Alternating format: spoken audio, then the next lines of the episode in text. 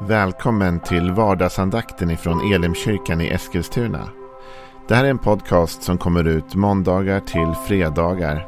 Om du vill veta mer om vilka vi är, vad vi tror på, hur du kan komma i kontakt med oss eller vad vi kan erbjuda dig för någonting så gå in på www.elimkyrkan.com. Får jättegärna gå in och likea vår Facebook-sida. Det är facebook.com elimeskilstuna. Eller så söker du upp oss på YouTube och då söker du på Elimkyrkan Eskilstuna. Vi vill jättegärna komma i kontakt med dig. Men nu lyssnar vi till dagens andakt. Då fortsätter vi den här veckan. Vi är inne på dag nummer tre, onsdag. Och eh, vi har psalm 127 som vår veckosalm kan vi kalla det för den här gången. Eh, den är bara fem verser och vi har tagit en per dag.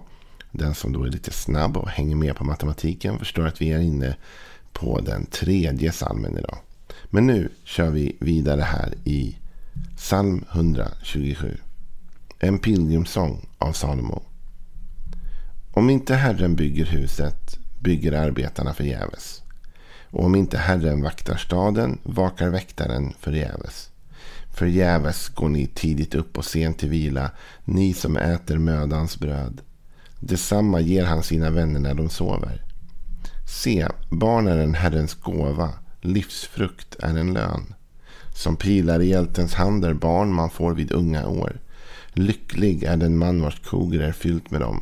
De behöver inte skämmas när de går till, rätten, till rätta med fiender i porten. Den här vers, eh, salmen tycks brytas av på mitten. Först börjar det talas om att om inte Herren bygger huset då är det arbetarnas arbete förgäves. Och om inte Herren är den som vaktar staden då är väktarens vaka förgäves. Och att förgäves kan vi gå upp tidigt och gå till vila sent. Vi som sliter och jobbar. För detsamma ger han sina vänner när de sover. Gud verkar även när vi sover och verkar konstant. Sen kommer man till vers 3 och då helt plötsligt så byter vi spår och pratar om barn. Resten av, av eh, eh, salmen. Men kanske är det inte egentligen att byta så värst mycket spår. Utan här talas det om att bygga ett hus. Men vi har ju redan förstått från början att det inte handlar om ett speciellt hus. Det här är inte ett, en psalm för husbyggare. Utan detta är ju en psalm för livet. Och det handlar om hur vi bygger vårt liv. Och ur det perspektivet så är ju barn och familj kan vara en naturlig del av detta. Nu vet jag att inte alla får barn. Och inte alla kan få barn. Och det är inte bara i vår tid, så var det även på Bibelns tid. Vi läser ju faktiskt om förvånansvärt många, på ett sätt ofruktsamma kvinnor eh, i Bibeln som kämpar med att få barn. Och det är klart, många av dem vi läser om i Bibeln så sker det mirakel och händer det saker. Men vi vet också att många inte kanske har upplevt det. Men jag vill ändå ta det här med barnen lite grann. Jag tycker egentligen om att prata om den kristna tron och familjen och barn. Och hur vi kan introducera våra barn för tron och sätta exempel för våra barn. Men jag skulle först vilja börja med hur vi bör se på barnen. För det är det som vers 3 antyder mer än något annat. Den belyser hur vår inställning borde vara till våra barn. Det står så här. Se, barn är en Herrens gåva. Livsfrukt är en lön. I den här versen så kommer två av mina favoritord in, höll jag på att säga. Gåva och lön. Det är ju fantastiska eh, ord faktiskt. Eh, gåvor gillar man att få och är underbart att ge. Faktum är att när Bibeln Jesus lär oss att det kan till och med vara saligare att ge en gåva än att ta emot den. Men i båda fallen är det välsignat. Men också lön är ju någonting som i alla fall jag blir glad när den kommer. Jag uppskattar väldigt mycket. Se barn är en Herrens gåva. Det står inte så här, se barn är, det är Herrens besvär. Eller det är jobbigt. Eller det är ett elände. Eller det är tufft. Och tufft kan det vara. Och utmanande kan det vara. Och är. Och det är verkligen inte enkelt att försöka uppfostra eh, barn. Men vi måste se detta som en Herrens gåva. Det är någonting som vi får och någonting vi ska vara tacksamma för. Jag tänker mig att en gåva tar man emot och vårdar. Det här är en gåva som vi har fått av Herren. Och det tycker jag är väldigt viktigt därför att det har man lite grann med förvaltarskap att göra också. Att kunna se våra barn som någonting vi får ta emot och som vi får vårda. Något som vi får ta ansvar för. Men som egentligen kommer ifrån Herren och är hans. Och då förstår vi att då måste vi vara försiktiga med hur vi hanterar våra barn. Vi måste hantera dem på ett värdigt sätt. Och Bibeln talar faktiskt mycket om det. I Matteus 19 till exempel så talar Jesus om barnen. Han säger så här. Låt barnen komma till mig och hindra dem inte. För himmelriket tillhör sådana som dem. Så barnen har med himmelriket att göra. Det är en gåva ifrån himmelen. Det är en Herrens gåva. Och det är klart att om du ser på någonting som en gåva från Gud själv. Då borde ju du värdera den gåvan ganska högt. Och verkligen se till att vårda den och ta hand om den. Så vi behöver se våra barn som en Herrens gåva. Och inte minst i ljuset av det jag nämnde i början. Det finns ju faktiskt ganska många som inte kan få barn och som har kämpat med det. Och då du och jag som kanske har barn. Vi måste se detta som en gåva. Som något att vara tacksamma för. Även om det kan dränera vår energi. Och även om vi skulle kunna göra hundra podcast om utmaningarna med att vara en förälder. Eller, eller alla svårigheter man möter på den vägen. Så är det ändå så att ytterst sett är barn en Herrens gåva. Tycker det är intressant att psalm 127 skriver den här versen. Då. Salomo skriver så här. Se, barn är en Herrens gåva. Med andra ord, du behöver inse detta. Du behöver se det och ta det till dig.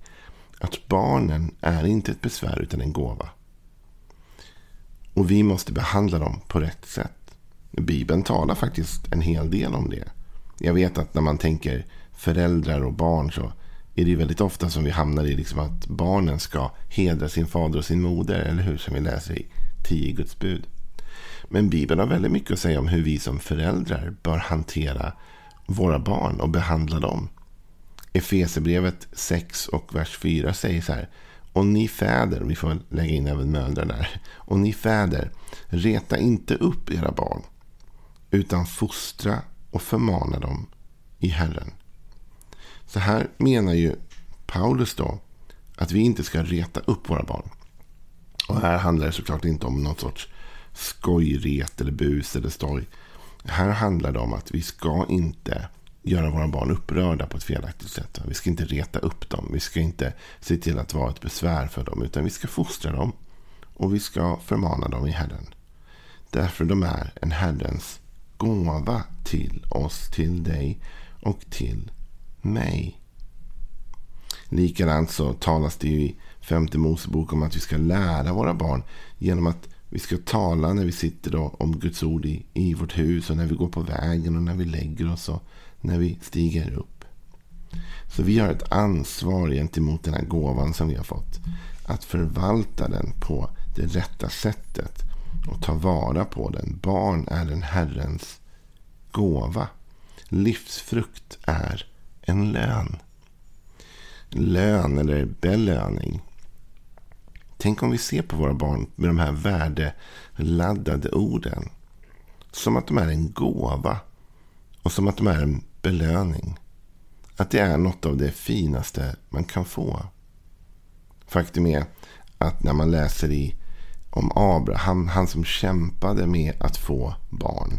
Han och hans fru kunde ju inte det. Och och han var väldigt ledsen över det. Va?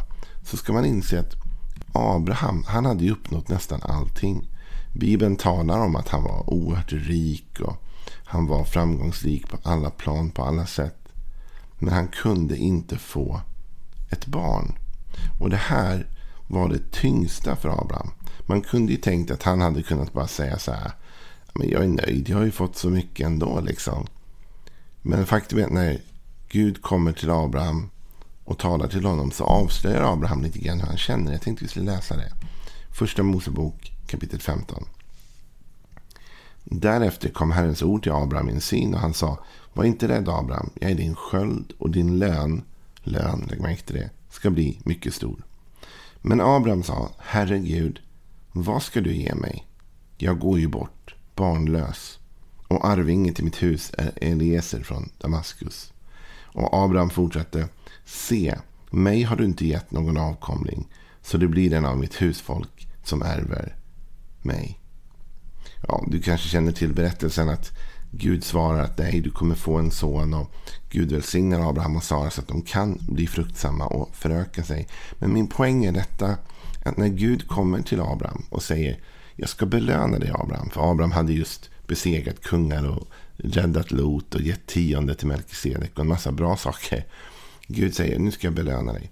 Så säger Abraham, spelar ingen roll vilken belöning du ger mig.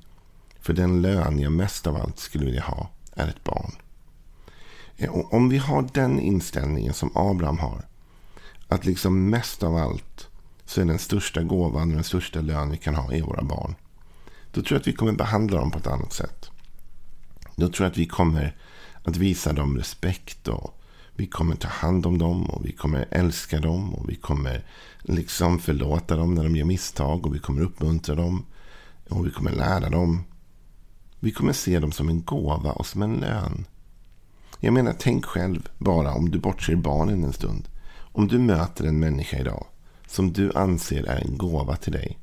Och som du anser nästan är som en belöning i ditt liv. Att du har den här personen i ditt liv. Det är klart att du kommer behandla den personen mycket, mycket bättre. Än någon som du tvingas umgås med.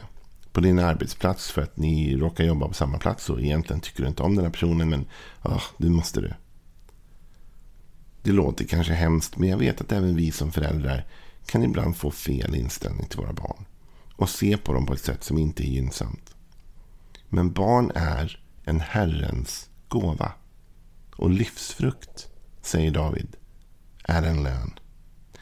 Och varför kommer det in i den här salmen? Kan man ju undra. Varför har vi svängt det här spåret? Nej, men därför Salomo, eh, Salomo har ju precis talat om här. Att om inte Herren bygger huset. Om inte Herren vaktar staden. Då är det inte värt någonting. Då bygger vi förgäves. Sen börjar han prata om barn och vår inställning till barn. Och jag tänker att det ligger något i detta. Att om du vill bygga ett gott livsbygge. Om du vill bygga ett stabilt hus. Så behöver du ha en rätt inställning till de som bor i det huset. Och du behöver ha en rätt inställning till de barn som Herren har låtit dig få. De är en gåva och inget annat. De är en belöning. Kanske du säger nej. Idag Johan säger mina barn en belastning eller en börda. Nej, idag och alla dagar är dina barn en gåva från Herren. Det för med sig ett visst mått av arbete. Det för med sig ett stort mått av utmaningar. Men idag och alla dagar så är dina barn en gåva. Och en Herrens lön är de in i ditt liv. Och här skulle man nu kunna utveckla och jag talar länge om också hur vi som församling bör se på barnen. Barnen är en gåva i församlingen. Barnen är en Herrens lön i församlingen. Barnen är inte besvärliga för att de rör sig eller finns. Utan de är en glädje för vi har fått ta emot dem från Herren själv. Guds rike tillhör sådana som dem. Och det är vår uppgift att i allt vi, i all mån vi kan vårda och värna dessa barn. Det ligger på vår uppgift. Så den här vardagsandakten var ägnad åt att egentligen bara trycka in en enda tanke i ditt hjärta och i mitt hjärta. Och det är faktiskt detta. Att barn är, se, barn är en Herrens gåva. Livsfrukt är en lön. Imorgon kommer vi fortsätta prata lite grann om hur och vad vår uppgift blir när vi har fått ta emot denna gåva. Men det tar vi imorgon. Ha en välsignad onsdag. Hej då.